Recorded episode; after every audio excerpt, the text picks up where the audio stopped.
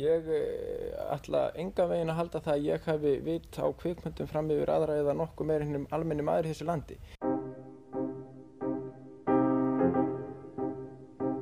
Og ég spyr þig, telur þú þig hafa það mikið vit á kvikmyndum að þú getur dæmt um þetta listræna atrið?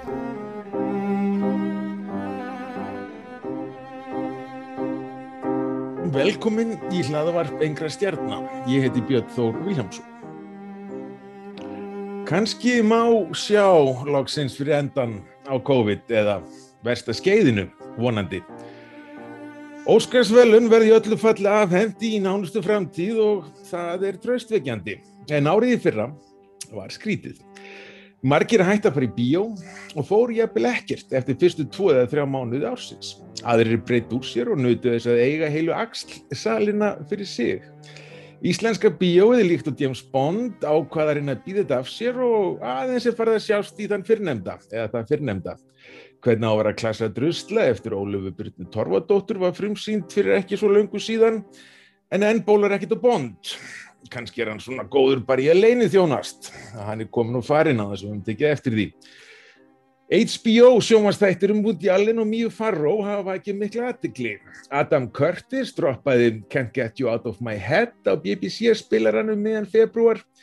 I May Destroy You var hér um bildabesta sem gerist í fyrra. Sjónvarpið kannski máli núna frekar en bíóið. Með mér til að spá í spilin lítið við farin veg og spá um framtíðina og talandi um sjónvarstætti þá held ég ákveðin sjónvarstættir eigi líka eftir að koma aðeins við sögu. En með mér sem sé er Áskrimur Sverrisson. Velkomin Áskrimur, takk fyrir að, fyrir að vera með í þættinum. Takk fyrir mig, gaman að vera með. Þannig að ef ég mætti bara að vaða beint út í djúbu laugina, Áskrimur. Þannig að hverju er COVID búið að breyta? Er eitthvað sem verður ekki eins og það var í bíóheimum þegar við svona tökum niður grímuna, hættum að óttast náungan og förum aftur að fara í bíó eða meigum allavega að gera það. Já, ég held að sko COVID hefur kannski ekki, ekki sjálft COVID hefur ekki breytt og mun ekki breyta svo miklu. Hins vegar hefur það gerst að COVID hefur hraðað mjög fyrir þróun sem þegar hefur verið í gangi í mörg ár. Það er að segja þá er ég að tala um þessi skilamilli, hérna, bæðið skilin á milli sjónvars og, og, og bíós og hins vegar skilin á milli kvikmyndahúsa og, og efnissveita. Það er að segja hérna, þetta með að bíóinn fengu að hafa þennan rétt til þess að uh, sína myndir engöngu í ákveðin tíma, svo fóru þær í, í aðra. Þessi kallaði, já. Þessi gluggar eru allir að þrengjast og eiginlega alltaf því hverfa, þetta gerist ekki eitt trúður í, það er eins og ég segja, þetta er laung þróun. Þannig að það er kannski það sem COVID hefur skert mjög á, bara út af aðstæðum, urðu framleiðendur og dreifingaræðlar að grípa til þess að nota þessar stafrænu dreifingarleiðir miklu meira. Og, og, en þetta er eins og að búið að vera þróun bara undan fyrir áratug eða svo.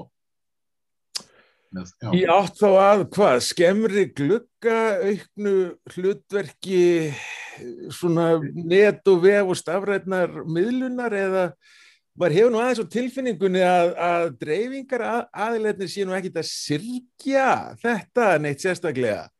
Það sé svona aðeins að koma upp svona hvernig bíóinn, kvikmyndósakeðjurnar og kannski dreifingar aðilegnir, eh, það er ekki alveg svo með hagsmunir sem þarna einhvern veginn knýja áfram? Já, sko, já og nei, þetta er náttúrulega bara, sko, sko við sem erum kvikmyndanördar, við horfum, eða okkur hættir til að horfa á kvikmyndir í svolítið romantísku ljósi. Það er að segja, við, við, hérna, við horfum á þetta út frá því hvað þetta er æðislegt og hvað þetta er æðislegt form og hvað við höfum gaman af því, hvað þetta er flott upplifun. Já. En fyrir það aðila, þessaklega stóru framleiðenduna í Hollywood sem og stóru kvikmyndahúsakæðuna, þá er þetta náttúrulega bara brutal business og bara money talks og hitt getur bara getið það sem úti frís, skilur. Ef svo vill til að það er hægt að búa til eitthvað gott í leginni, þá er það fínt, en það er engin áhersla. Já. Þannig að þetta eina sem þetta snýst um er bara að græða pening og, og það er ágætt að gera sér stundu grein fyrir því sko, að þessi business hefur alltaf snúist um það, fyrst og fremst Heldur að við Og- romantíserum á mikið? Við, hel, heldur að við sem elskum bíóið romantíserum aðeins og mikið svona kannski horfum fram hjá þessu? ekkert endilega romantísir við bara, við finnst bara skemmtilegra og meira áhugaverðar að vera þar við, því að horfa á þann hluta kvikmyndar heimsins, heldur því að hitt er náttúrulega doldið boring nema þú setja mókin örnum skilur og viljið það en, þú veist, en hérna, það er bara svona svolítið önnu deild sko. Ég skil þig. En já, hvað þarna, já, þetta er, sko þetta náttúrulega er, sko, með Netflix er að, sko, er á blús, kemur á blúsandi ferð út úr COVID. Já. Eh, og ég rauninni streymi sem veitirnar allar. Ég meina Disney þykir hafa staðið sig svona bísna vel, sko, með tæflega 90 miljón áskrifundur núna, eflaust hefur COVID hjálpað þar mikið til, en það fölnar nú í samanbyrði við samt sko þessar 200 miljónir sem, sem Netflix er með og bara er að bæta viðlíku við í hverju mánuði sko eh, Jú, en streymveitan það- og bíóið hva, hva, hvernig, hvernig metur þessa tvo hluti? Sko ég held náttúrulega að þetta er sko fyrsta lagi þá náttúrulega með eins og með Disney og Netflix þá er náttúrulega munur þess að sko Disney hefur verið að ná 90 miljónum áskrifundum alveg ótrúlega skömmum tíma. Uh, miklu fljótari, þau voru miklu fljótari að fara þangað upp heldur en Netflix til dæmis. Netflix er búin að vera að í þessu í meirinn tíu ár.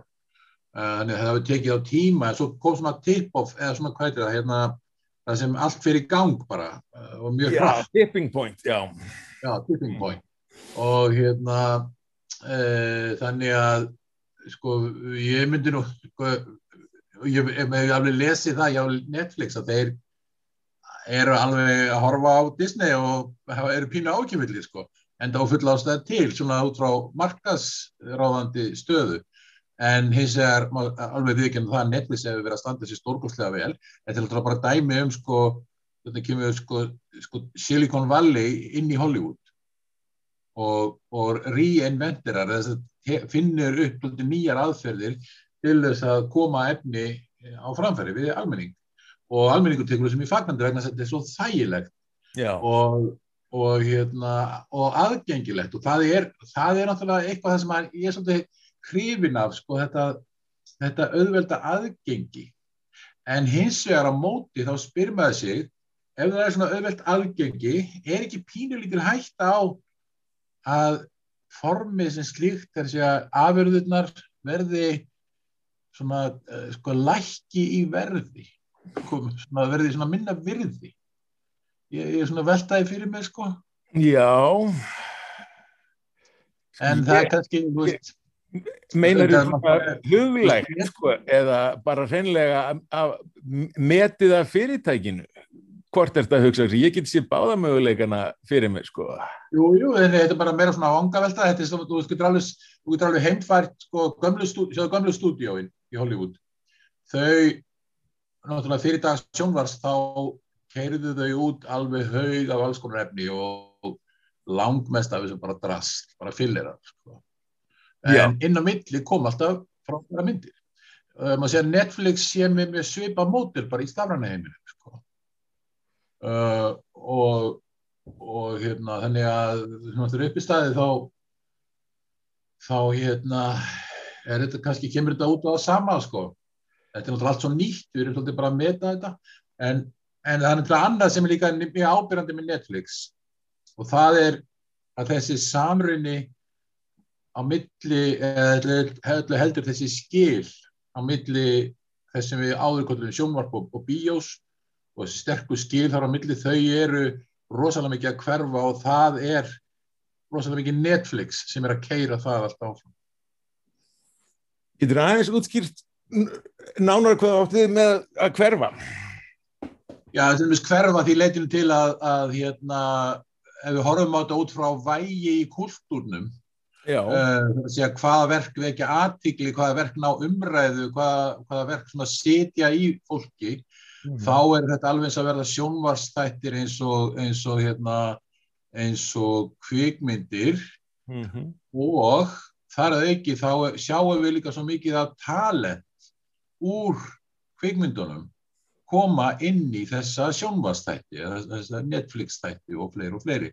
Uh, sem áður var þetta var alveg bara skýr eldveikur hann á milli sko. Mm -hmm. marksum það að ef þú varst kvikmyndastjarnar og fóst nýr í sjónvarp þá varst að taka niður fyrir því Já, uh, og það var líka rosalega breyk fyrir því að koma úr sjónvarpinu og fara yfir í bíómyndin og ka- kannski, kannski sá síðastur sem fer þá leiðina sko, sem að, maður mann eftir og er súpustjarnar í dag, George Clooney. Einmitt. var súpustjarnar með, með IR og svo fer hann yfir í kvikmyndin þannig að það tók alveg tíman sinn fyrir hann að stabilisera sig þar sko. Náttúrulega nýjönda mynd Tarantino fjallataldið um þetta Once Upon a Time in, in, in Hollywood sko, um, um sjónvarstjörnur sem dreymir um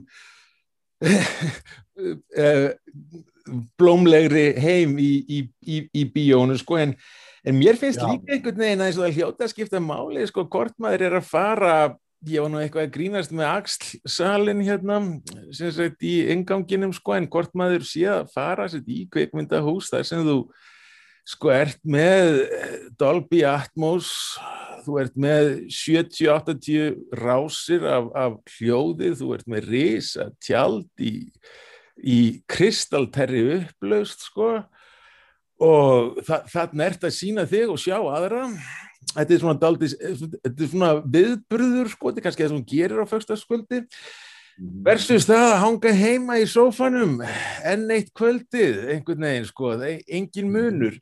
Þetta held ég að sé alveg gaggir sko, gaggir munur og, og ég get alveg tróð því að þetta þýðir sig inn á það sko að sko þegar fram í sækir ef streymisveitan verður svona alveg ef hún reyður kveikmyndahúsinu úr sessi nema þá bara sem svona einhvers konar listabíó eða partybíó sko að þá sé ekki, sko Netflix er ekki að fara að búa til Jurassic Park eða Close Encounters of the Third Kind eða svona, þú veist, einhverja svona episkar stórmyndir sem íta forminu áfram sko fyrir sjónvarskjáði og fyrir síma og fyrir iPada fyrir frímerki sem dúkar upp einhvern veginn við hliðin á öllum hinnum á þessum að takja allir eftir því sko. Nei, nei, en sko það er, það er miðjan sem hefur horfið úr er mið, mið, myndirna sem eru uh, svona miðjubudget myndirna. Uh, það sem í rauninni má segja að flesta áhugaverðasta í kvikmyndum hefur verið að gerast. Það er, það er í þessum svona medium budget myndum og jafnvel low budget uh, einhverju leiti. mm Uh, stórmyndir, stórmyndir Hollywood sko eru svona svolítið veist það eru, það eru rauninni sko, það eru svona, svona milestones á dólti annan hátt. Jú og margi sjá það er og svona eins og Jurassic Park, jú, maður færa rauk fyrir því hún hafi verið svona tæknileg hérna, mikil svona, framför sko og minnisvarði þannig en þú veist, ég meina, það er ekki held að sé ekki bara síðan, þú veist, er það nokkuð tíman síðan Lawrence of Arabia sem hefur verið sko eitthvað al, alvöru sko kjötmikil stórmynd skilur, þú veist, sem Já. er svona típa sess í kvikmyndasögunni sem alvöru listaverk Já, ég meina, jú, það er kannski einhver er auðvitað guðfæðurinn og svona ég, ég var ekki endalega að hugsa um listaverku, ég, ég, ég var meira að hugsa um sjónarspil, sko. Ég held að, að myndirnar verði minni. Já, en það, þeir eru náttúrulega, sko, það er verið að tala um það mikið og þetta er búið að vera að tala um það í mörg ár. Þetta verði sko þannig að, að eventamyndirnar sem við kallum, þessi stóru blockbusterar, þeir verði áfram og verður- það verði skarpara þannig og Já. það verði ennþá meira sjónaspil og að það, bíónum verður keira sig áfram svolítið á þessu og þetta verði ennþá meira kvöld, bara að fara út og eiga eitthvað mega event kvöld Já, uh, og svo hins vegar al, þetta sem er alveg á heinu skalana sem er þessar listræni myndir, arthouse myndirnar uh, gætnan mun ódýrari uh, ég er ekki endilega að segja low budget en svona mun ódýrari og, og, og beinta mjög ákveðnu markaði. En miðjan, miðju efni þar að segja thrillerarnir og, og, og, og Þessi hérna, drama og allt þetta dót, þetta fer meira að minna inn á efnisvið. Þetta er svona spekulasjónum og hefur verið í mörg ár já, já, ég, sko, bara ég held að ef, það sem ég meinti, sko, er að ef fleiri stúdíu fara vornirleiðina, sko, og, Mm. og fara að, að frumsýna í streymisveitum á sama tíma og myndir fara í bíó, þá held ég að bara öll bíóreynslan geti dáið á endan sko. ég er ekkit vissum hún lifa af sem spektakul, sem Marvel sko. ég, ég sko ekki það að nýja Wonder Woman myndin sé endilega dæmi með einni neitt sko. hún var alltaf, alltaf hugsuð fyrir kveikmyndadreifingu sko. en við séum samt að fara meir í áttina að henni einhverja svona klúðislegar svona myndir sem líta gefil út og eru bara svona minni um sig sko. en, en já, við sjáum til sko, en, en ertu bjart síðan eða svart síðan hvernig líst þér á streymisveitundar? Mér líst það mörguleiti bara ljómandi vel á það sko, Meina, sko henda mér ágillega en ég meina sko bæði þú og ég sko erum í, komin í þannig hóp, bara aldurshóp að við förum miklu minna í bíó það, og það er mjög snert til mjög tradísjón hér á Íslandi að bíómarkkópurinn hér er mjög þröngur hann er bara frá svona unglingsaldri til svona 25 og bara droppaða rosalega hratt og það er kannski aðeins svona ekst eftir því sem við, jú, kannski aðeins eldri, minn eldri, þú er búin að klára barnauppeldi og þetta allt. En það er rosalega skart hérna, og með að við, í Ameríku er þetta mun breyðara í rauninni. Já, það er ákveður. En, en, já, en, en sem sagt, uh, Hvað, ég nú er búin að kýna þræðir hvað, hvað voru ég var nú bara því að ég sjálfur svo sko neikvæður og bölsýtningar streymisveitunar sem svona einhvern veginn framtíðar áhorfs sko og bara framtíðar tækni. Mér finnst bara einhvern veginn kerfislegt menningaþrótt blasa við. Einoguna máttur og og nættræn ítök örfara tæknifyrirtæki sem Jú, hafa engan áhuga á, á breyðu úrvali, ég meina hvað, það eru tefnilega fjögur þúsund myndir inn á Netflix í dag sem er náttúrulega bara ekki neitt. Engin, e, ekkit úrval sko.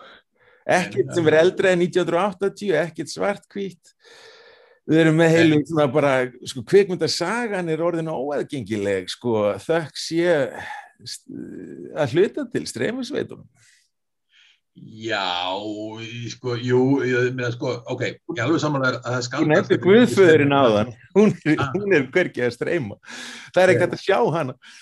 Guðföðurinn, eh. þú nefndir Guðföðurinn á þann, sko, hún er óaðgengileg fle, fleskum í dag, sko. Ja, það er, sko, það er skandal hvernig Netflix fer með, fer með þetta, þessi klassísku myndir, en, en svo á móti ertu með svona rásir eins og Criterion Channel og... Ekki á Íslandi að fá hérna á Íslandi einhverjum fáránlegum ástæðum, ég skil ekki hverju, en, en hérna, og ímsar fleiri svona, svona specialty uh, efnisveitu sem er að sinna þessu, en uh, einhvern veginn, þetta er tóttið skrítið samt vegna sem það, það var einmitt það sem að held að, að aðgengi að kvikmyndasögunni myndi einmitt verða auðveldara með allir þessari stafræni dreifingu. En nei, það er ekki að gerast. Þú er svo sannlega ekki og ég myndi að stöðuna að vera með 20 streymisveitur þurfa að muna hvaða myndir hvar. Hvar aftur er Casablanca býta þess, það er ekki Vornir. Vornir er aftur hvaða streymisveita. Bara þetta er orðið svona rugglingslegt og óþægilegt og síðan aftur er líka alltaf úrvalið tímabundið og það er háð réttindum og, og, og alls konar hlutum sko getur horfið fyrir var að laust er alltaf sett í, sko allt svona efni sett í, í baksætið að því að sko forgangur er alltaf framleiðslan sko, hvort það er Disney eða Netflix það, það er alltaf þeirra eigin framleiðsla sem, sem, sem er mikilvægust sko. Ég, og ég hef enga trúið því að, að, að þessar sko þessi sko fyrirtæki, Amazon og Google og Facebook og Netflix og bara þessi bara fyrirtæki sem eru bara stjórna heiminum eigi eftir að passa upp á nokkur skapaðan hlut annan en að bara stjórna heiminum Þannig að menningar þrótt, Áskrimur, þú heyrið það hérna fyrst.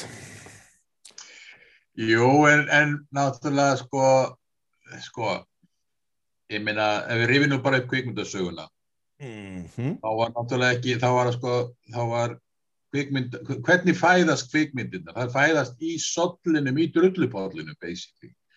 Það er voru náttúrulega, það það á þær lengi vel og ég veit ekki, spyr mér ennþá hvort það séu að verið teknar í sátt af, af ákveðnum öflum. Uh, uh, það er fyrst hérna, orðalegin í nýju kvikmyndastögnunni sem við dætt í huga að hún væri komin að loksins væri búið leifin að sittast niður við borð með, með, með hinnum virtari Já, og bara taka aðeinslega fyrir það. Það er nýtt tungumál þar alveg, 2020. Já, já. Já. said, take it easy, baby. I worked all day and my feet feel just like lead. You got my shirt tails flying all over the place and the sweat popping out of my head. She said, hey, bossa nova, baby, keep on working, for this ain't no time to quit. She said, go, bossa nova, baby, keep on dancing, I'm about to have myself a fit. Bossa nova, bossa nova. I said, hey, little mama, let's sit down and have a drink and dig the band. She said, drink, drink, drink, oh, fiddly dink, I can dance with a drink in my hand. She said, hey, bossa nova, baby, keep on working, for this ain't no time to drink. She said, go, bossa nova, baby, keep on dancing, cause I ain't got time to think. Bossa nova, bossa nova.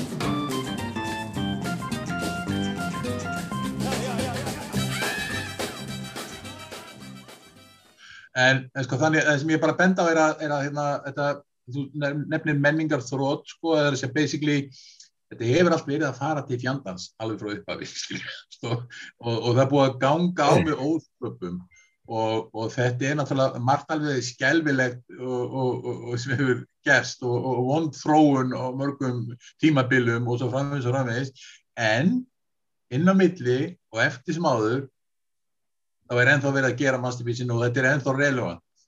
Uh, þó að ég skal viðkynna að áhyggjum mín er að því að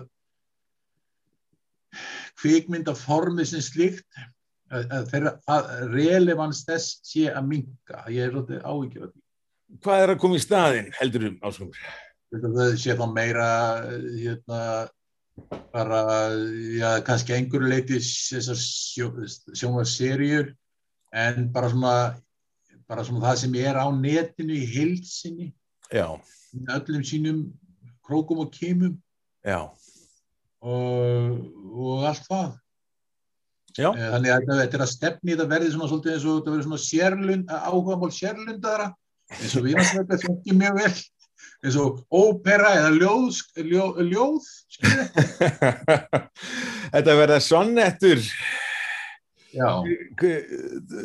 Die Hard verður sonnetta. Já.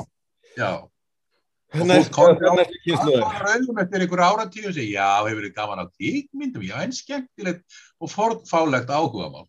Þetta er ekki tvívítt, sumt af þessu svartkvít, mér er svo Já. fjögult stundum. Já, já, ég, en, en þarna,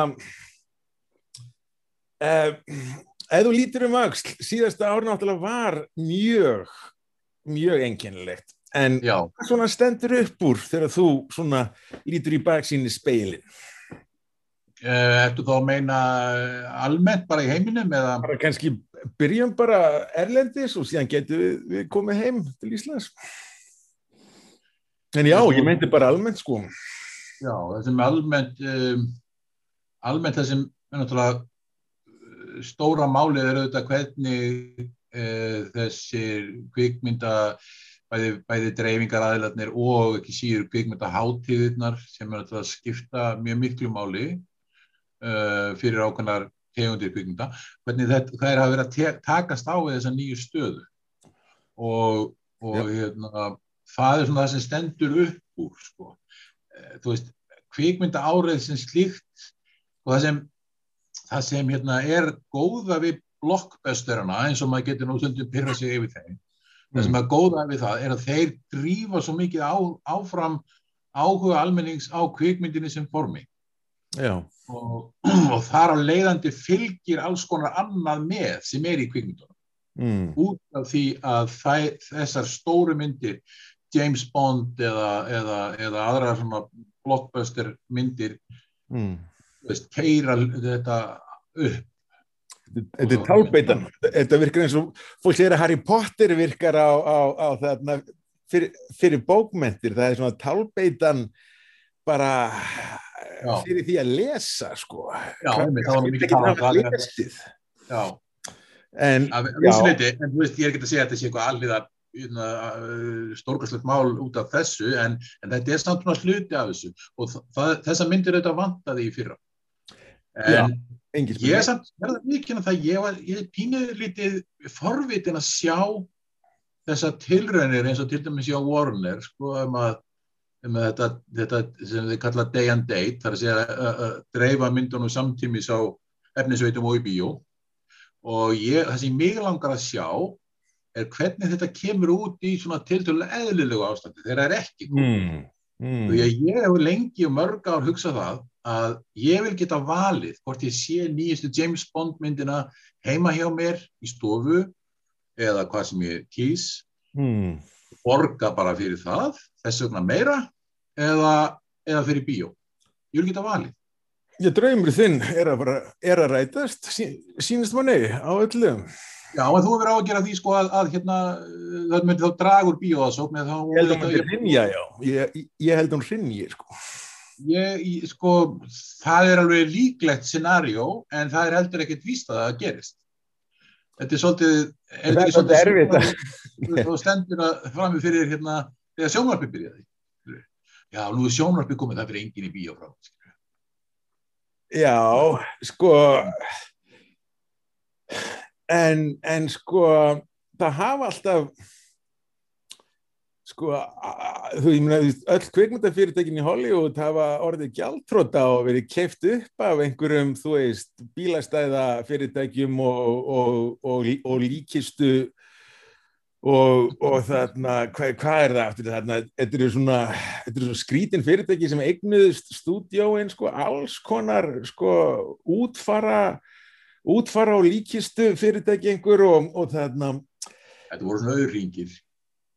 Já, líka, já, en bara svona einhvern veginn á allt öðrum stað í, í viðskiptaheiminum, sko, og Já, já. kvikmyndafyrirtækin urðuðu svona pingulítil deild inn í risastórum auðringjum einmitt, sko, og síðan sko þróunin finnst mér ekkit endilega alltaf hafa verið alveg hlutlaus sko, þú veist, svona sumt tapaðist, annað kannski vannst sko, en, en bara svona margt er hansi afdrifaríkt eins og bara svona global bíómyndin sko, að, að það sé komið núna krafa um það að sama bíómyndin eigi geta slegið í gegn hjá öllum sko markkópum á öllum menningarsvæðum hvar sem er á plánetinni finnst mér ekki endilega vera sko, þú veist, mér finnst útkomna því vera mjög sínileg og hún er, hún er ekki jákvæð sko, stórsmellurinn í dag er ekki alveg sami stórsmellur og til dæmis fyrir eh, 15-20 árum. Ofurhetjuvæðingin er, er mjög dramatísk þróun hjá sko kvikmyndafyrirtækjum eh, og, í, í kvikmyndamenningunni og þarna það sem ég mein er sko ég hef engar ágjörði því að þeir hægt að gera bíómyndir svo lengi sem einmitt eins og þú segir það, það er svona eh, arður það er arðvænlegur svona business sko en, en ég er ekki vissum að, að, að sko söm, sko samskonar myndir verði gerðar og, og bara hnignunin má eiginlega ekki við meiri svona meira botfalli, ég meina 1972 verður Guðfæðirinn stórsmellur. 2001, 1969 er vinsalasta mynd ársins. Þessar myndir væru fyrir sérvitringa og einhverja svona lífskunstnera og, og svona snoppænsni í dag sko, þú veist. Já, já. En þá var þetta mainstream sko. þá var þetta mainstream sko. ég, í, í dag kemst ekkit annað að en, en Marvel og Harry Potter og eitthvað svona. Veist, ég, er ekki viss um að þróunin sé, sé sko það er þróun. Og ég er ekki viss um að sé jákvæð samanber bara hvað við stöndum í pólitíkinu með, með Donald Trump þannig í kvítahúsinu þar til bara fyrir orðin. Ég held að það sé það líka er óhugsandi.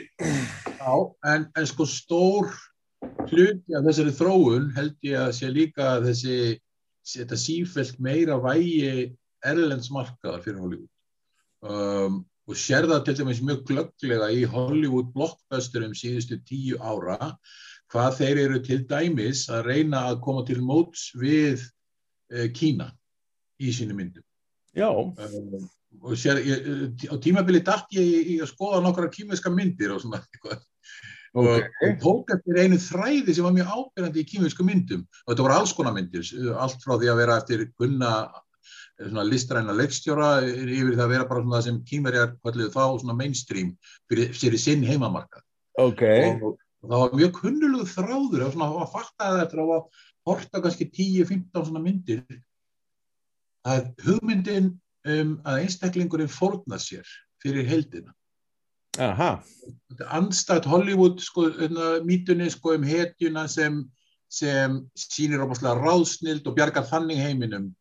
Uh, og einstaklingshyggjunar sko, hann, hann, hann, neytar að, að sko, hann fórnar ekki ein, einu manni fyrir heiminn. Hann, í hans huga verður að bjarga einstaklingnum Já, sama hvað hva, hva verður sko. Einstaklingshyggjan versus samvinnu, svona samvinnu hreyfingar hugmyndafræðin. Já eitthvað, eitthvað, á þeim nótum sko. Og, og hérna og þe þetta, út af að sjá þetta núna, þessu bregða fyrir, þessu element, þessara hugsun í þessum stórmyndum Hollywood mörgum hverjum. Bara hérna, mannstu til dæmis eftir endalókunum á hérna hvað hétt hún myndin sem, sem er hérna, úr Star Wars bálknum, það sem þeir fóru og, og hérna uh, voru að finna teikningarnar að döðastjörninni Rogue One. Ah, Rogue One, já, já.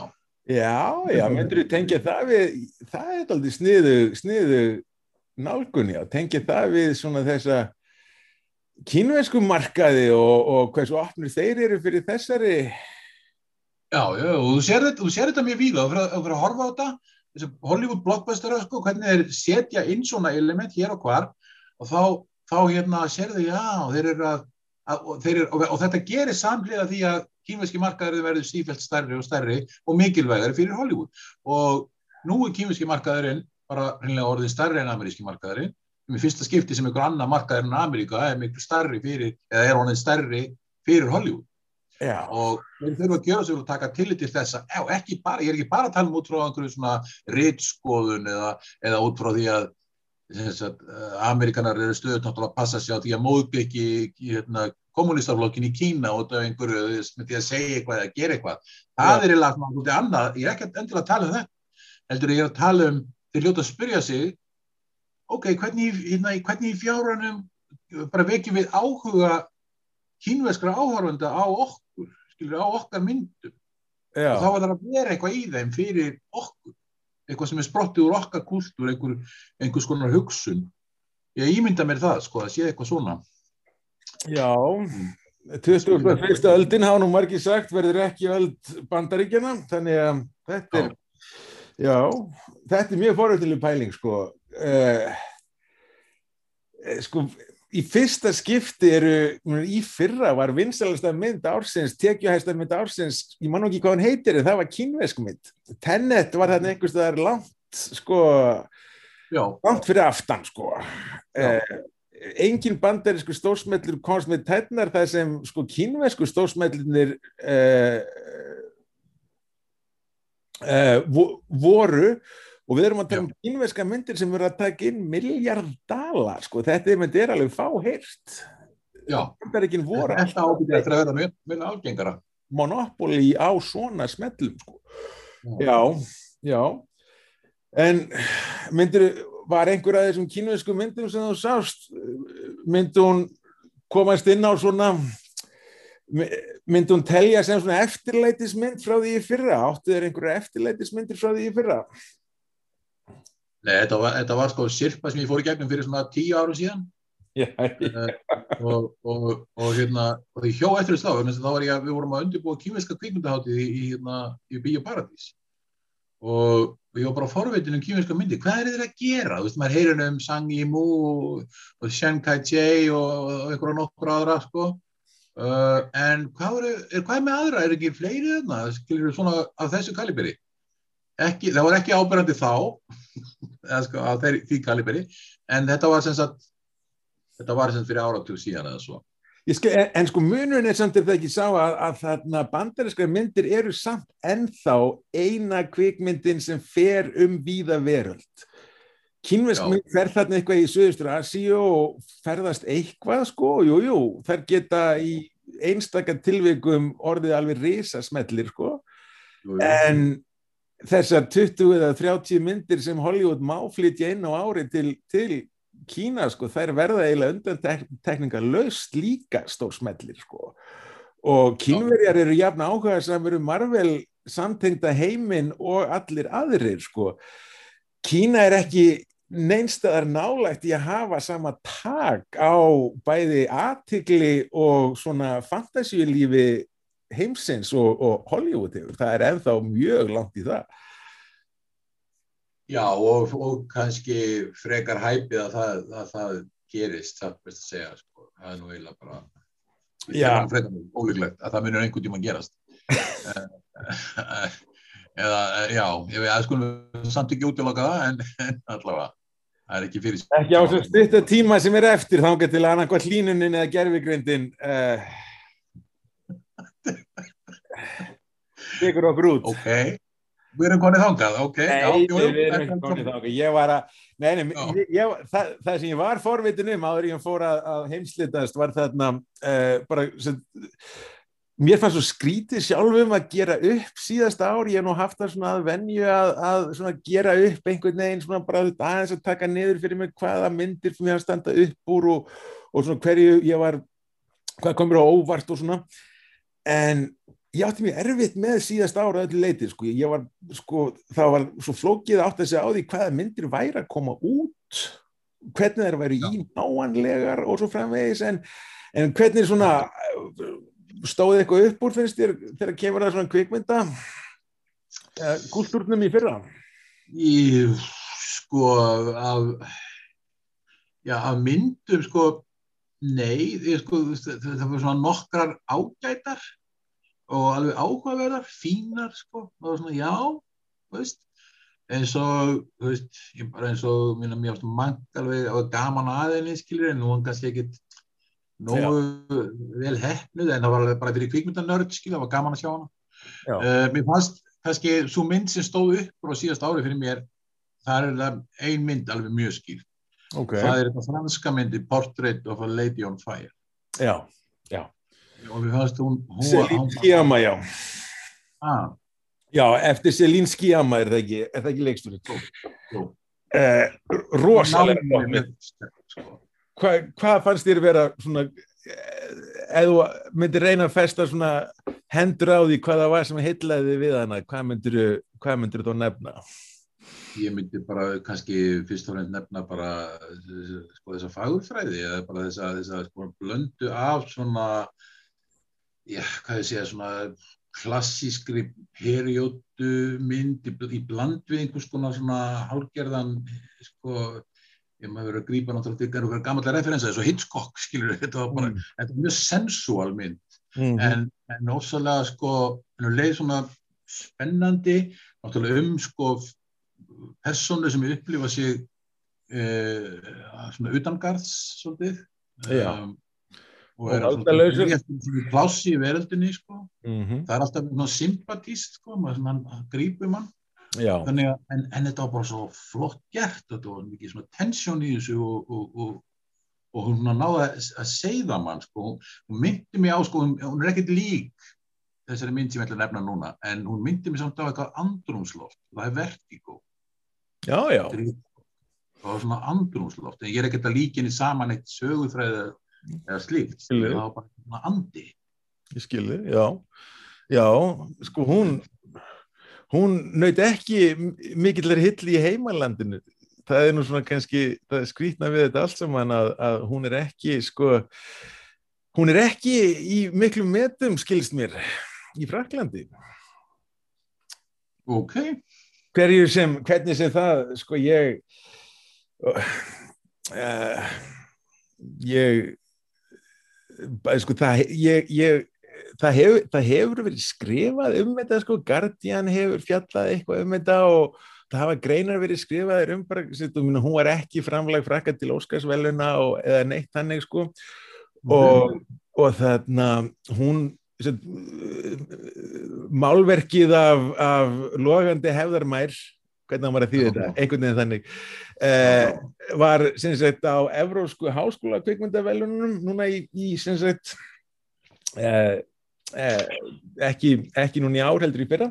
Eh, ekki, eh, 2019 já, og var svona yfirburða sigurvegari til dæmis hérna heim á Íslandi. En mér skilst af erindreikanum sem fór til Hamburgar á, á ráðstefninu þar sko að að hún hefði mætt miklu mótleiti þessi mynd, bæði frá franska uh, erindreikanum og svona nágrannalöndum frakka einhvern veginn, Belgíu og eitthvað þannig. Ég bara, ég er, ég er ekki nógu vel að mér í, í svona franskri menningarpolitík til þess að geta skýrt þetta áskrifur en mér finnst þetta aldrei forveitilegt í ljósið þessi að þetta var svo mikil yfirburða kvikmynd sko.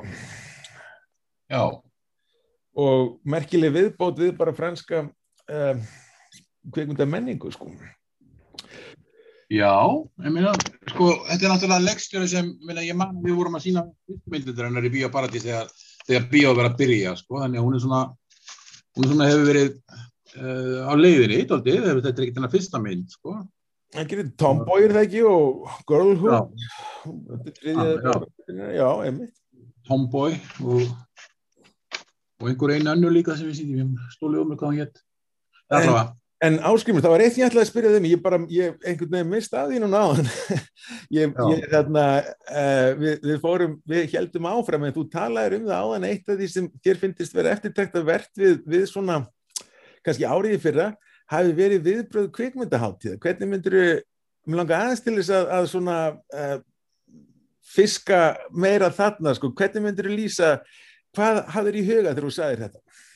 Það sem ég hafði í huga náttúrulega var bara þessi, þetta það hvað margar þeirra fóru út í hérna stafrænu útgáfu og hvað það í rauninni svona, sk- sko, virkaði að einhverju leiti og meira segja að einhverju leiti þannig að fleiri en ella uh, voru kannski að sjá þessar myndir. Sko, uh, það er eitt af það sem maður hugsa svo oft um varandi kvikmyndaháttíðirnar, en maður svona hefur stundu svolítið af því að þetta sé svolítið svona lokaður heimur og allir, þannig að þess vegna erum við að hugsa um sko allir möguleikar á því að stækka þennan heim og tengja hann meira út í bara hérna, ja, ná til sem flestra Já. það sé rosalega mikil svirði og ég held að það sé kannski einhverju möguleikar þarna sko að, að halda áfram segjum sinn dæmi hérna eh, svona eins og Q&A og þess að það að gera stafrænar útgáfu af því Já. þannig að fólk getur jafnið annarkot setið í kvikmyndahúsi eða verið heima hjá sér og hort á live Q&A við jafnvel með þekta leikstjóra sem þurfi ekki endilega að vera stattir skilur, þeir þurfi þá ekki að vera lengur að vera stattir koma til Íslands með öllu því sem því fylgir það mötu getur það verið eitthvað af því og, og það er náttúrulega frábært það er, er náttúrulega mjög gott veist, að sjá fólk live Já. en allt, allir þessi möguleikar og bara þetta er bara svona breiðult fagnaðarerindi sko, hvað- er ekki bara meiri möguleikar í þessu fyrir eh, hérna listrænu kvikmyndir Mhm. að Já. ná til fleiri og verða svona hluti af stærri umræðu sko. Einmitt. það vera áhugavert að sjá hvort að það geti virkað og með svona að tilfinningin eins og með heyrðum náttúrulega með Sundance svona síðast sko, þeir voru alltaf meira og minna alveg stafranir Já. það hefði hefnast bara fyrir þau vel og fólk bara var ánægt Mhm. Gautaborg líka að, að, að það sé það sem var að gerast þar sko. sé verið að opna þetta. Og Já. það sé verið að opna kannski svona form kvikmyndaháttíðarinnar, þetta er mjög góðu punktur.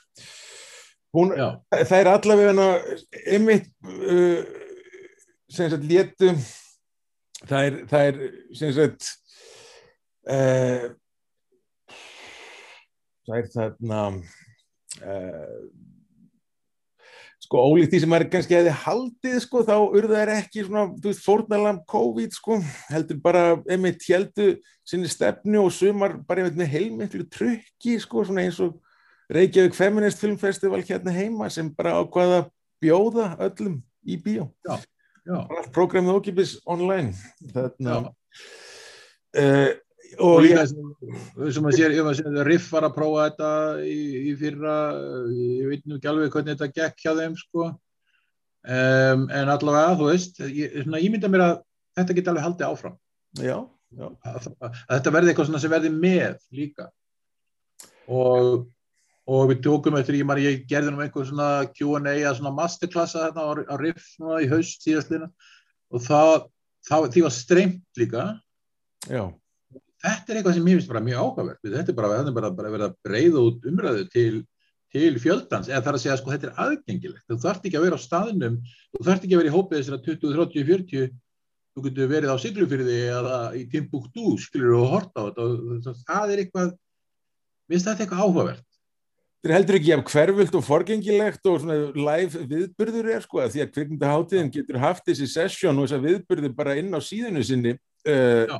Meðan á háttíðinni stendur þannig að þú þarf ekki einu svona að vera að horfa á þetta meðan viðburður nátt sér stað heldur bara getur gert það setna skrollaði gegnum og sé hvað, hvað er áhugavert og bara einmitt, það eru alls konar möguleikar þarna, ekki spurning sko.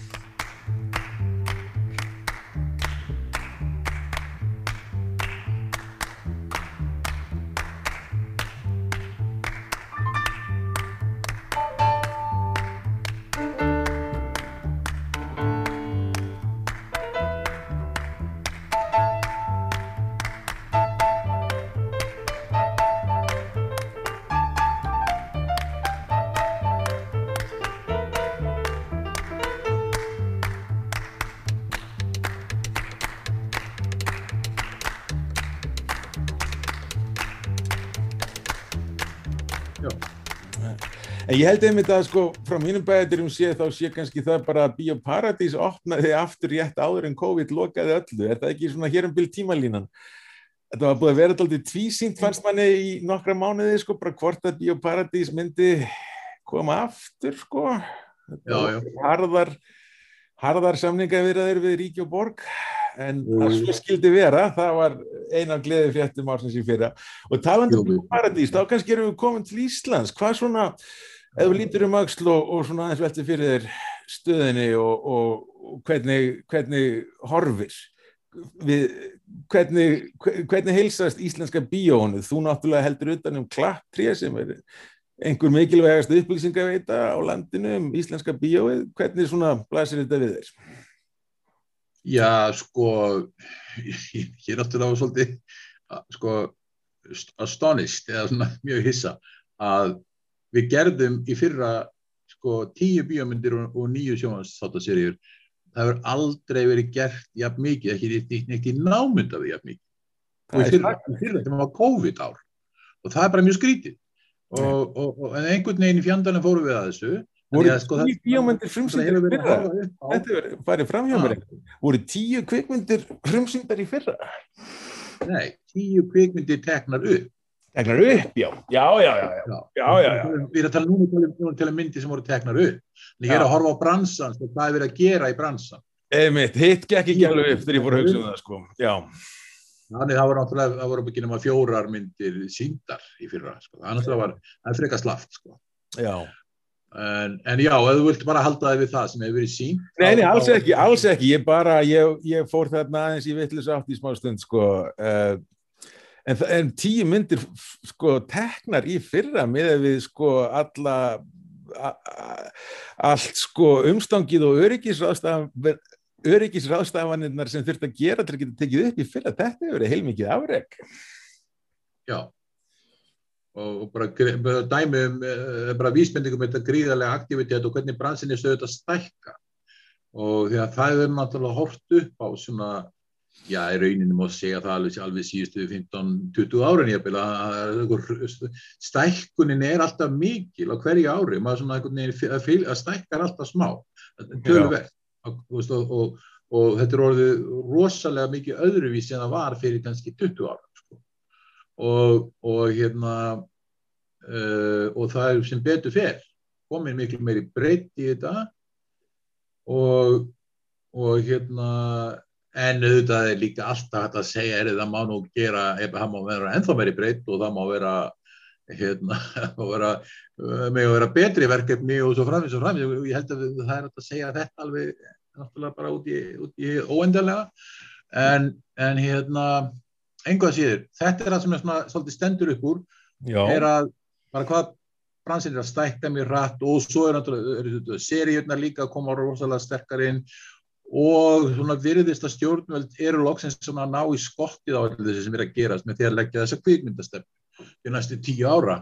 Og það er margt áhugavert sko, að vera að taka á mjög mikilvægum hlutum eins og til dæmis mentun já, og, og, hérna, og líka það sem að annað sem að finnur fyrir Björn og að finnur stert fyrir því er, er að það er svona þessi áhersla og þá er ég bara ekki að tala um síðasta ár heldur er það svona undanfærin ár jafnvel undanfærin áratug er að tími ótörana, það er að segja tími höfundana er pínulítið, ég segi ekki að líðundir lók heldur svona vægi hans er að minka og tími skipulagra framleiðslu sem er leitt frekar af framleiðendum heldur en af leikstjórum eins og þetta var í gamla daga.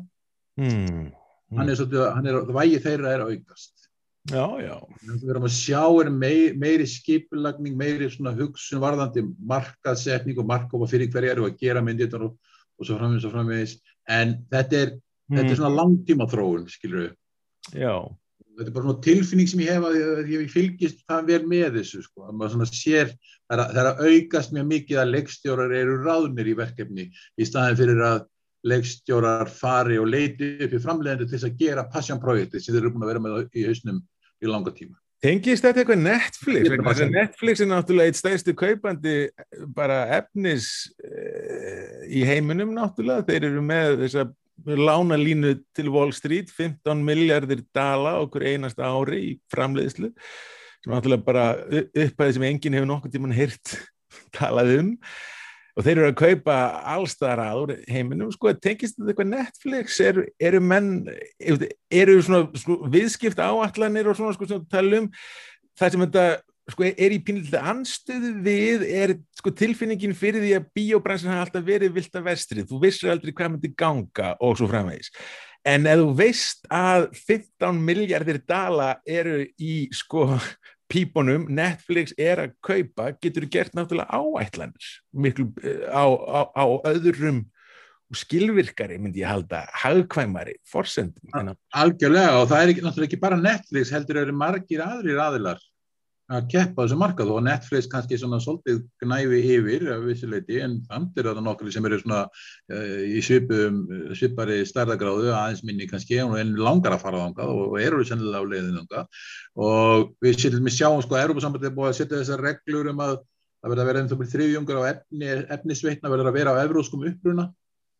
Og það sem maður les núna sko er að Netflix er mjög áhuga samt um þessa reglu sérstaklega sko gagvart nýju hérna, efnisveitunum. Já. þeir vilja allir sæti þessu vegna þess að það er miklu erfiðara fyrir þá. Netflix er búin að vera að hugsa um þetta í mörg mörg ár og taka tillit til þessa. Þannig að þú sérð þá fjárfesta út um allt til dæmis í Evrópu og þar á meðal á Íslandi. Og, og hérna þeir vilja sem sagt að Disney gerir þetta líka og allir hinni sem er náttúrulega fullkomlega eðlilegt að allir setja þau saman borð. Einmitt. þetta er ekki regla fyrir Netflix, þetta er regla fyrir efnisveitur skilur við Já, þannig að já, þannig að það er svona uh, Það er að sér til Íslands líka. það er miklu fleiri, það er miklu fleiri um hýtur en heldur, heldur en Netflix. Og þetta vita íslenski framleiðendur og er að vinna með, með margskonar hérna, uh, fyrirtækjum hér og hvað, misstórum en þar á meðal Netflix. Já, já. en líka, þú veist, eins og Norðurlanda eins og Viaplay, eins og Sky og og, ímsum svona smerri aðilum, sölu fyrirtækjum og, og, og svona það er verið að dreifa íslensku efni, sjónvarsefni fyrst og reynst, bara mjög víða. Og þetta er svolítið nýð þróun. Þetta eru Og- góð tímar sem sagt fyrir íslenskt kvikmyndagerða fólk. já, og þetta er svona þetta er miklu svona þetta er svona tilhengu til að vera meira organiséraður í framleiðsla. Það er að þetta eru stór batteri, þau þurfa að fylla upp í upp í sitt efnisframbóð uh, það er kannski einhver leiti meiri fyrirsjáanleiki bíómyndir eru og hafa alltaf verið sérstaklega þessar listræðinu artásmyndirnar, þetta er svolítið svona uh, hérna, skæruleiða útgerð og svolítið ákveðin áhætta í þessu erfiðar umhverfi Já, uh, en auðvitað er allur gangur á þess að erfitt að alhafa já. Spennandi samt. Þetta eru, ég, ég var ekki búin að greina þetta alveg með þessum hætti áskrimur. Þetta er mjög forveitilegt. Þarna, uh, ég var að hugsa um að leggja fyrir þig núna áskrimur áður en förum kannski Mér langar til þess að ræða ákveðna sjónvastætti sem, sem þarna standa þér býsna nærri líka en áður en við förum þangað langaðum við til að leggja fyrir þig kvikmyndalegt personuleika próf. Já, Uh, þú færi tvo valkosti í einstakar tilvikum þarftu að bara nefna sem sagt, svar sem, þú, sem, sem er ekki gefið sagt, en þetta eru hraðarspurningar, þetta er eins og almennlegt svona sálgreiningar, hugreiningatengsla próf eru, þú átt bara að svara strax á þess að velta þessu fyrir þér. Þannig fáum við skýrustu myndin af, af, af dulvitund áskrims Sverrissonar. Þannig að ertu tilbúin já. Við byrjum nú frekar rólega. Marvel eða DC Uh, anskotin uh, ég, ég bölva þessu báðu sko, en ég hef samt pínir gaman af svona. Ég veit ekki ég veit, ekki, ég, veit það ekki. Ég veit það ekki. Ég, ég en þú veist þetta er alveg skelvileg spurning Já, ok, ég, ég sko þessi Það er gaman að vera Wonder sko svona þessi þannig að kannski er ég DC megin DC megin, já, ég hafði líka gaman af, af Avengers fyrstu myndinni en, síðan hefur þetta verið svona Það downhill. er náttúrulega líka alveg löglegt að segja bara hvorugt, sko. Já, já. En ég hefði gaman að vondabúinu. Ok, klapp tré eða klappa ketti? Eh, Svona spurningar eru. Eh, Klapptré. Batman eða Robin? Í, það, þarna eigast þeir tveir við sem ég heyrði ekki um hvort það dreipist. Segirðu pass? Ég segi pass. Gene Kelly eða Fred Astaire? Já, það er uh, sko, ó, þetta er góð spurning. Gene Kelly. Dansk kvikmyndagerð eða Suður Kóriansk? Já. Uh, Suður kóresk. Franska nýbylgjan eða tekniska nýbylgjan? Júfullert með erfiða spurningar. Hérna, um, Tekneska. Team Nomi eða Team Crystal? Hvað séu þau? Team Nomi eða Team Crystal? Team Nomi eða Team Crystal. Getur verið að þú setja að vísa í Showgirls? Hérna? Ó já. Ég alveg, Hvað, í- hvaðan kemur þetta? Uh, uh, ég, ég maður ekki eins og hvora hvað. Hvora var þarna aðalpersonan? Nomi er aðalpersonan, Crystal er Gina Gershon. Já, Tina Gerson. Já, er, ég, ég tek hana frekar. Hún er, hún er ræðist. Þú ert Team Crystal þá. Tarantino eða Trier? Uh, báður, báðum hefur mér fundist vera óþólandi oft en ég ætli sér ekki meira Tarantino. Hermione eða Harry Potter? Hvað sér þau? Hvað? Hermione eða Harry Potter? Hermione. Já. Það er stelp, er aðalhughetjan í Harry Potter Já, já, stelpan. Já, já, já, Harry Potter. Uh, her, her, her, Hermione. Claire Denis ætlar að endurgera Hitchcock-mynd, hverja á hún að, endurgera? og við forðunni frá því Denis uh, Marnie Já, hún getur allavega ekki gert verri mynd þá en, en Hitchcock gerði. Uh, klassíska Hollywood eða nýja Hollywood? Stórkostlega vannmyndin en já, Klassíska Hollywood eða nýja Hollywood? uh, þegar þú segir nýja Hollywood ertu að tala um ný, nýja Hollywood eins og hún er skilgrind 7 til 80 kannski, já. um, ég myndi segja sko ég myndi segja náttúrulega klassíska Hollywood um þess að nýja Hollywood byggir algjörlega á, á hún er ekkert orðið til eða það var ekki klassíkt Hollywood þannig að Þetta er röglegt svar, já. Jörg Bútgeræt eða tannlæknir? fyrir geðu Jörg Bútgeræt eða tannlæknir? Jörg Bútgeræt nú ég veit ekkert hvað þú ert að vísi núna Já. Hann er þekktur fyrir mynd sem heitir Necromantic og aðra sem heitir Necromantic 2. En gott og vel, pass á það. Varda eða Godard? Varda eða Góðard uh, Tja Það sé ekki bara Já, Varda er okkur nær mínu hjarta sko. Já Já og ég hef stundum haft gaman á Góðard vissulega. Já, Varda Varda, Spielberg eða Scorsese? Já, helvíti, góð spurning uh, held ég verið að segja Ég held ég verið að segja Scorsese Fyrirgeðu Stífin Breakfast Club eða Goonies? Ég, ég er náttúrulega meiri breakfast club maður sko Já, Jason Bourne eða Ethan Hunt? Ah. Jason Bourne eða Ethan Hunt? Jason Bourne 2001 eða 1941? eh, Það er nú ekki mikil samkeppni 2001 Smokey eða Banditin? Býtu við uh, ég, ég held að sé sko band, banditinn, Burt Reynolds var banditinn Burt Reynolds, já, já. og Jackie Gleason var Smokey, var það ekki rétt að mér Það held ég.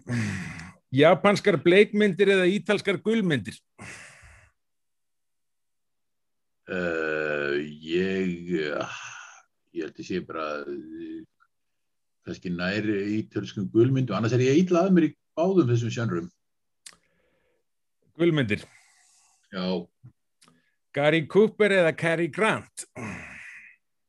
Cary Grant Zack Snyder eða máling sem þornar á vegg?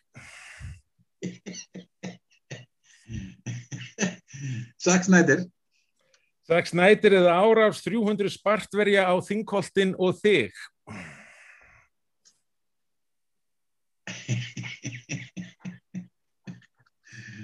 uh, árás 300 spartari á Þingoltunum mig Velvalið. Uh, þú munt falla með uh, heiðri. Julius Já. Kemp eða Meyer? hvað sér þau? Julius Kemp eða Russ Meyer? Julius Kemp eða Russ Meyer um,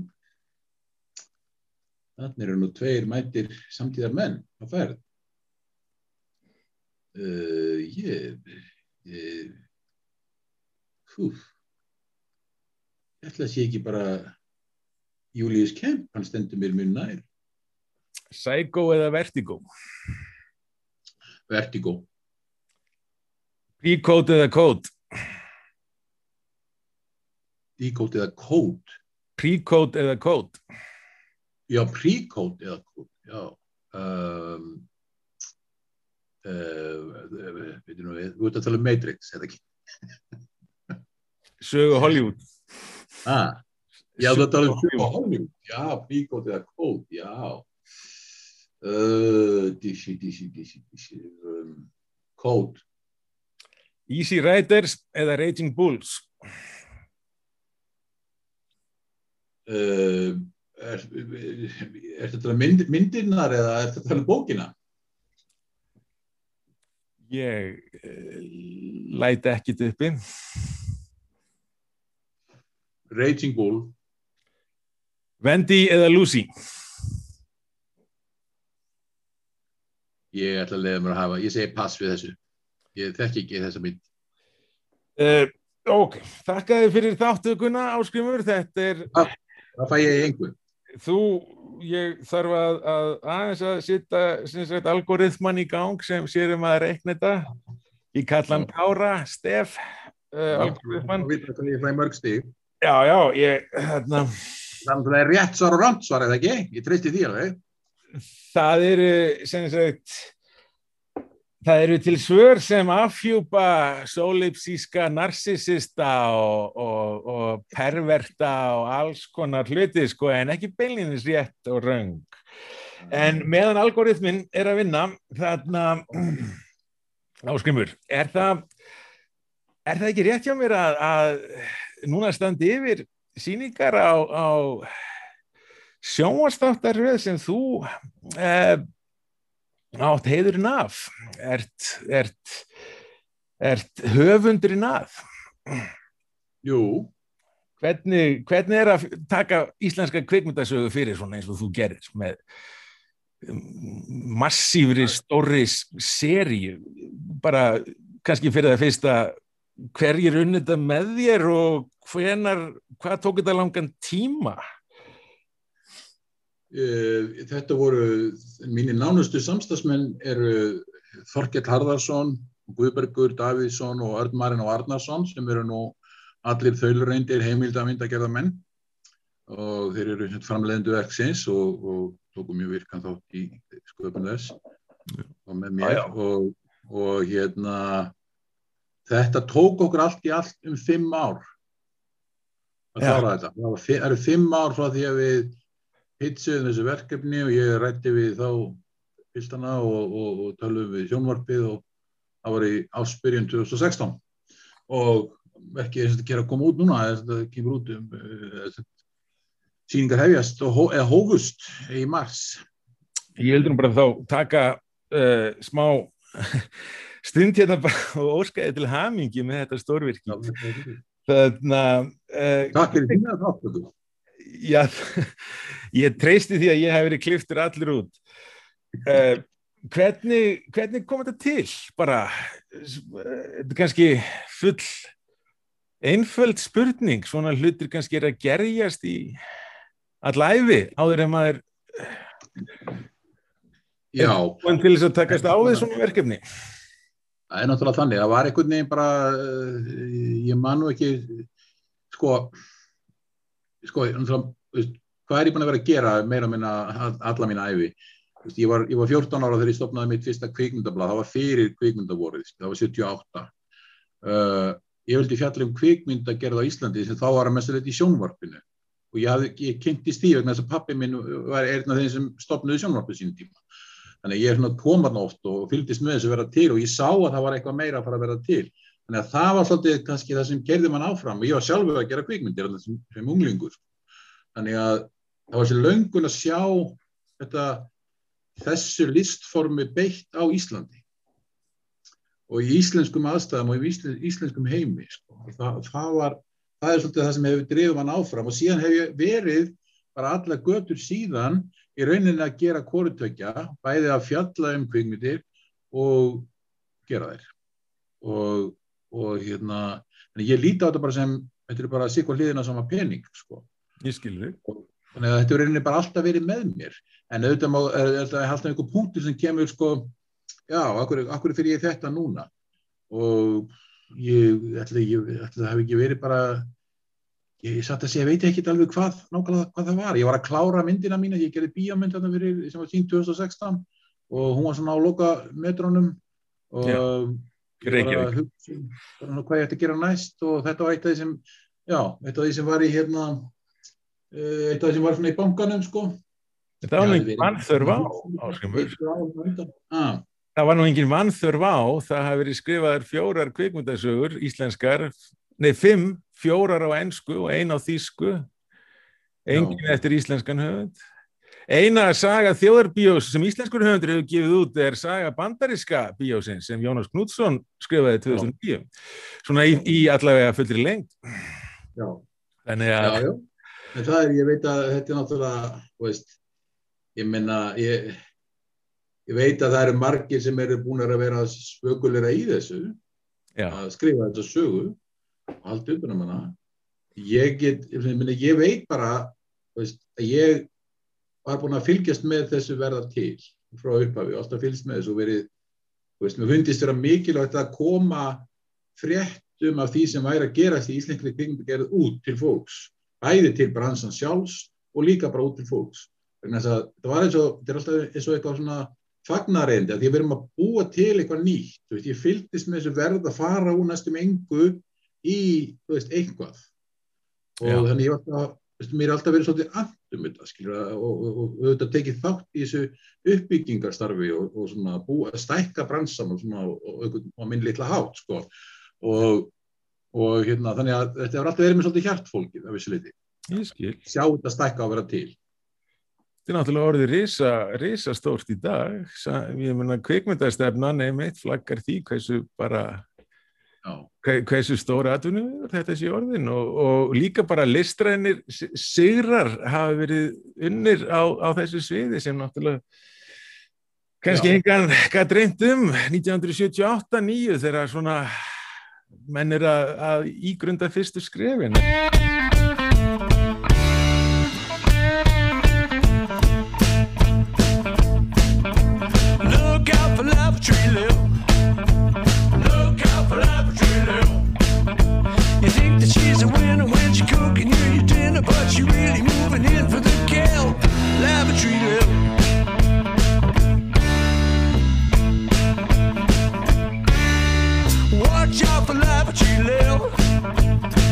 Out for lavatory Lil. She says it's honky dory when she's telling you a story, but you really think you're making her ill. Lavatory Lil.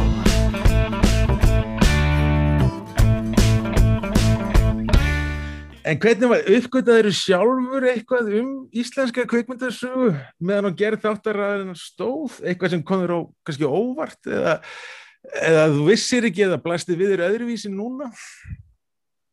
Já, það er þetta eh, sko, hitt og þetta, eh, svona alls konar eh, krókar og kemur í sögunni. Kanski það sem svona thematist, maður sá, komið kannski ekki beinlega á óvart, en ég skal ekki betur gert með grein fyrir því því að raða þessu öllu í tímalínu, vegna þess að sagan er nokkurn veginn sögð í tímalínu.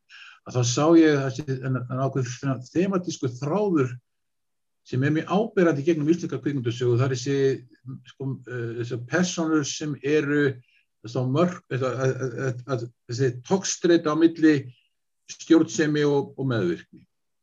Uh, sem eru þetta bara svona rauninni sami hluturinn, sko, bara sér på hlýðin á sama hlutnum og, og hérna hvað við látum hafa okkur út í, hvað við látum, hvað við umberum húun og hvað við og hvernig síðan við ákveðnir aðila sem djöblast á öðrum og, og það er verið að reyna að finna einhvers konar leið til að lifa með því.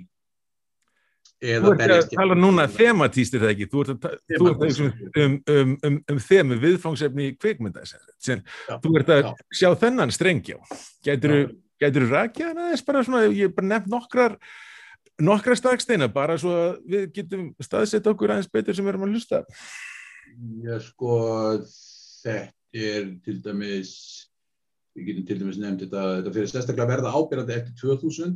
Uh, við sjáum til dæmis, sjáum Íslenska draumin, mm. mjög gott dæmi um, um þessa tókstreitu.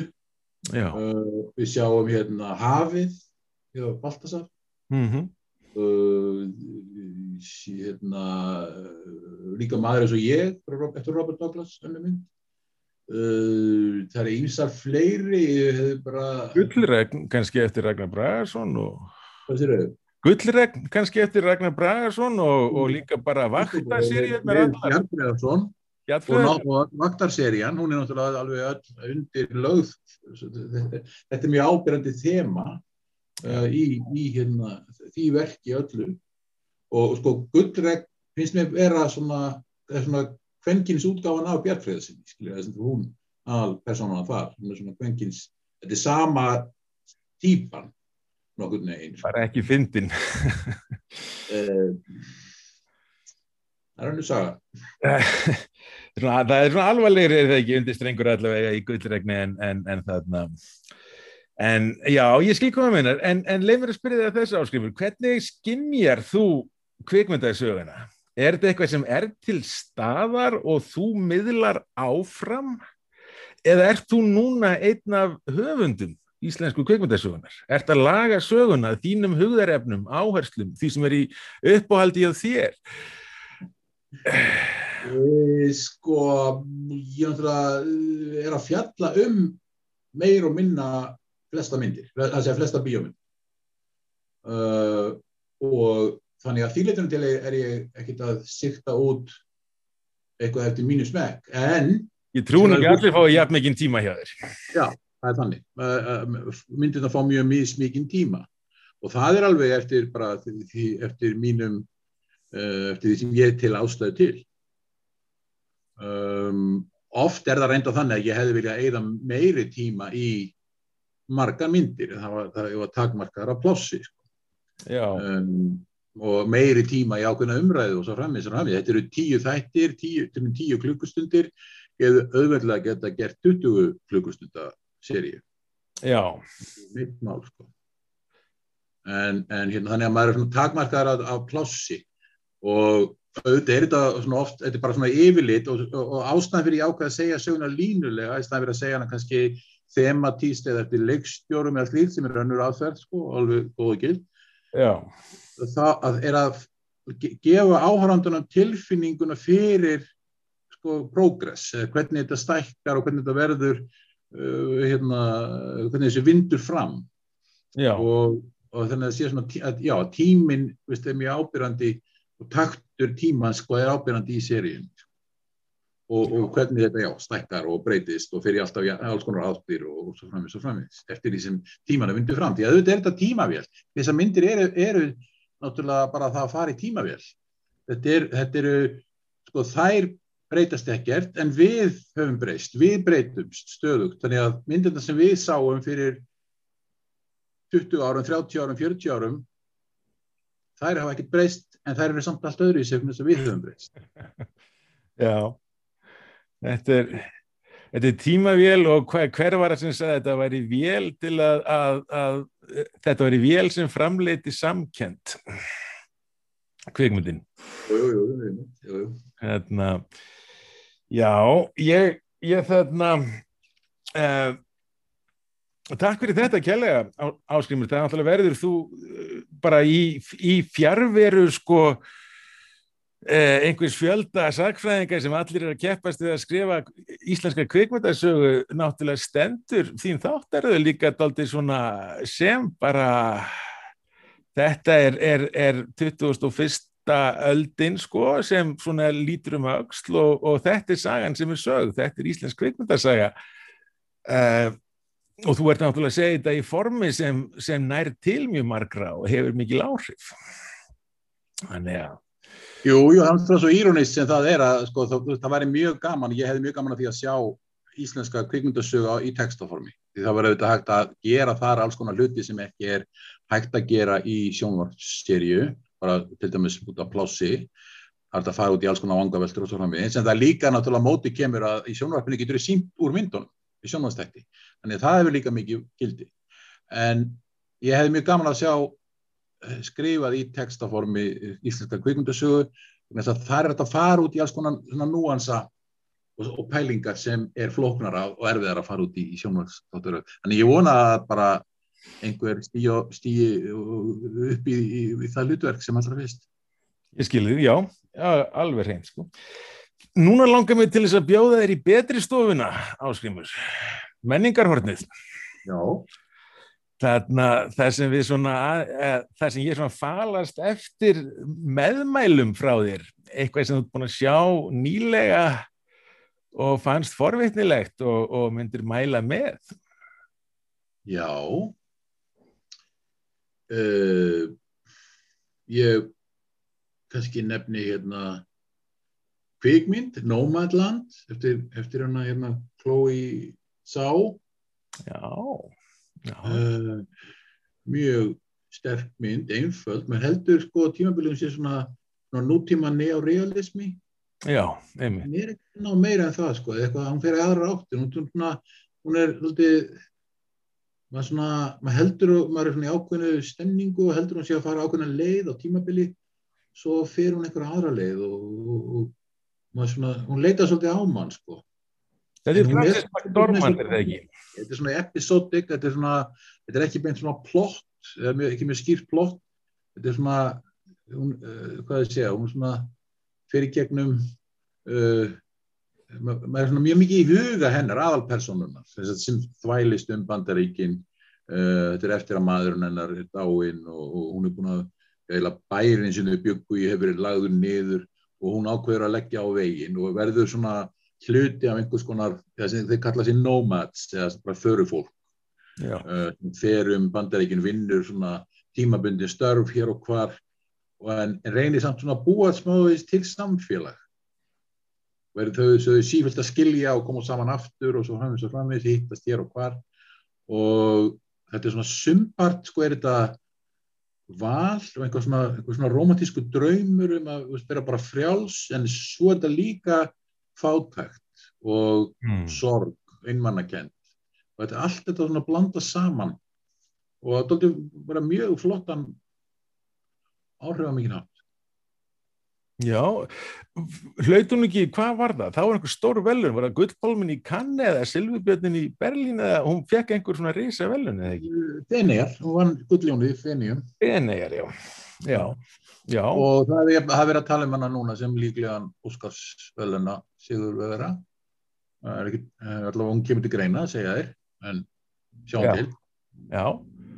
Já, ég skilði. Uh, myndin sem ég ætla að mæla með er, er örlítið eldri en líka bandarísk. Hún heitir The Divorcee eða hinn fráskilda frá 1930.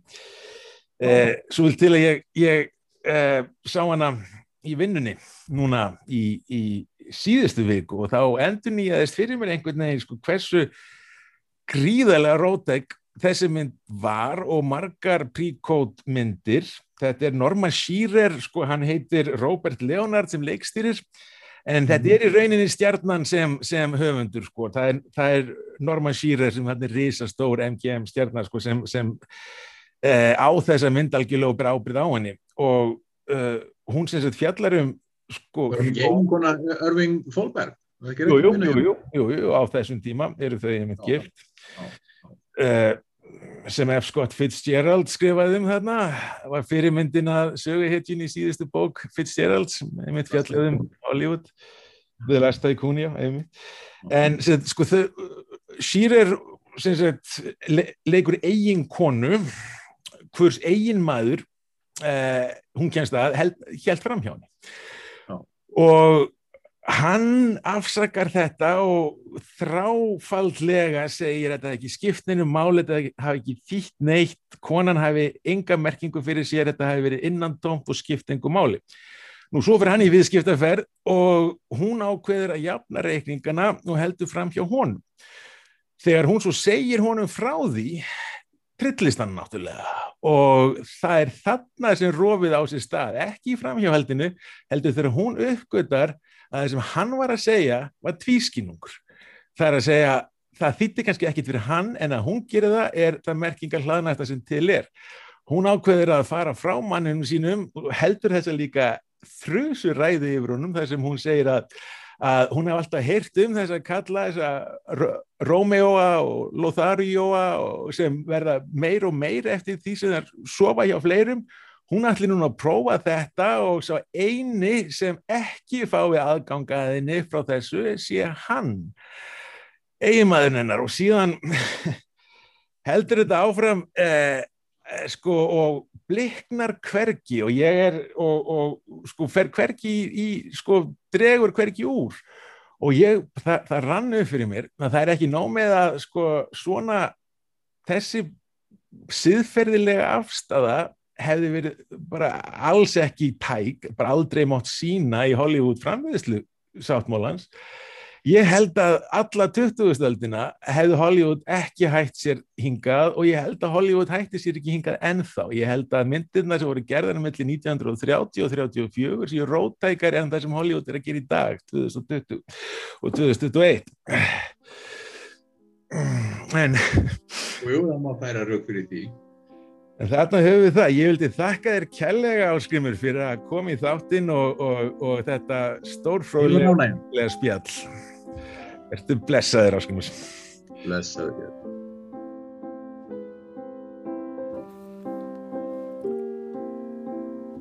Í þættinum var notast við eftirfarandi tónlist Bossa Nova Baby með Elvis Presley Unsquare Dance með Dave Brubeck og Lavatory Lill með Paul McCartney Framleiðandi er kvikmyndafræði Háskóli Íslands þáttarstjórnir í höndum Björnstóks Viljámssonar klipping og tæknisnið Kjartan Már Ómarsson. Við þökkum áhyrnina